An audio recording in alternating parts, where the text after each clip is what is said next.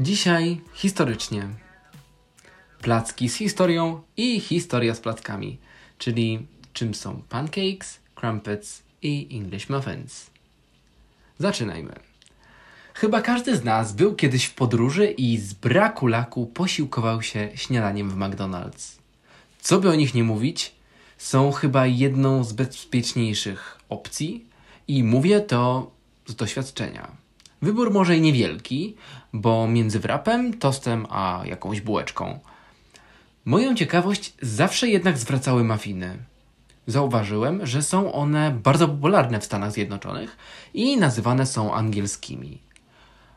Ku mojemu zdziwieniu, w Anglii nie są one jednak tak popularne, a na ich miejsce Brytyjczycy mają coś podobnego, choć jednak innego.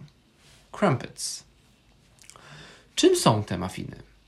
Muffin to rodzaj małej bułki lub chlebka, zwykle z ciasta drożdżowego, którego nazwa wywodzi się najprawdopodobniej z języka dolnoniemieckiego, czyli saksońskiego muffin i oznacza małe ciastko lub ciasto. Pierwsze wzmianki o takich bułkach e, pochodzą z brytyjskiej książki kucharskiej z okresu 1758-1777 e, Art of Cookery e, Honey Glass. Jednak ta inwencja została dopiero podniesiona i spopularyzowana przez Samuela Botha Thomasa w 1874 roku. Zakłada się, że ten brytyjski piekarz po emigracji do Nowego Jorku i założeniu tam własnej piekarni okolicach zwanej i znanej dzisiaj jako Chelsea, sprzedawał je pod nazwą Toaster Crumpets. Crumpets do tostera. Idea niezwłocznie została podchwycona zarówno w amerykańskich hotelach, jak i w brytyjskich domach. Swoją popularność zdobyły przede wszystkim konsystencją ciasta i gotowego wypieku. Ciasto bowiem jest bardziej plastyczne i elastyczne i zwarte niż baza na tradycyjne crumpets. A czym są owe crumpets? Z pochodzenia są one plackami, czy nawet i pancake'ami. Jak podaje Encyklopedia Britannica, narodziły się w XVII wieku jako smażone placki z mąki, mleka i jajka. Dopiero w czasach wiktoriańskich, czyli między 1820 a 1914 rokiem, do ciasta zaczęto dodawać drożdże lub później proszku do pieczenia. Bardzo charakterystyczną rzeczą jest jednostronne smażenie w obręczach silikonowych lub stalowych oraz struktura wierzchnia przypominająca gąbkę. Chodźmy jednak do źródła, do pancake'ów. Możecie wierzyć lub nie, jednak idea tego typu placków sięga 30 tysięcy lat do epoki kamienia. Były one jednak bardzo prostą mieszanką wody i grubo zmielonych ziaren.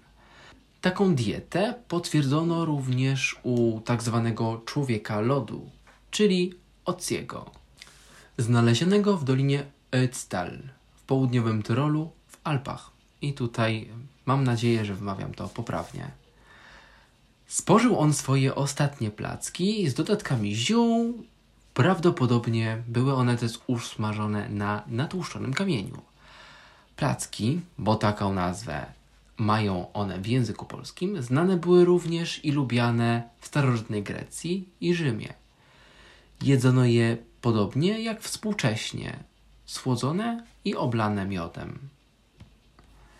Także w czasach elżbietańskich Anglicy umiłowali sobie słodkie i przyprawowe placki, na przykład z wodą różaną, sherry i jabłkami. Dopiero w Stanach Zjednoczonych zaczęto dodawać spulchniacza, takim jakim jest proszek do pieczenia. Wcześniej było to niemożliwe, gdyż takowy został wynaleziony dopiero w 1843 roku przez Alfreda Brita, którego żona była uczulona na jajka i drożdże. Osobiście uwielbiam każdy z nich na słodko, jak i na słono. Uwielbiam wykorzystywać je jako awaryjne pieczywo na szybko, do jajka sadzonego bądź kiełbasek, albo na popołudniową przekąskę ze świeżymi owocami, powidłami czy syropem lub miodem. Sprawdzą się także jako przekąska na pikniku bądź wycieczce, bo któż nie chciałby posilić się takim cudem? Małe, różnorodne i bardzo poręczne. To pusta kanwa czekająca na Wasze pomysły. Pamiętajmy jednak, że mamy również swoje własne, takie polskie wersje tych przekąsek, ale o nich niedługo pewnie jeszcze wspomnę. Na dzisiaj to tyle. E, Sam zgłodniałem już, więc zostawiam Wam na stronie kilka przepisów na muffiny, crumpets oraz pancake'i. Również bibliografię znajdziecie pod artykułem.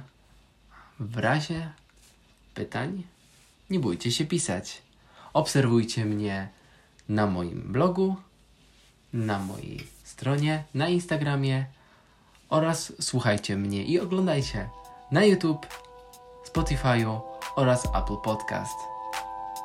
Miłego, cześć!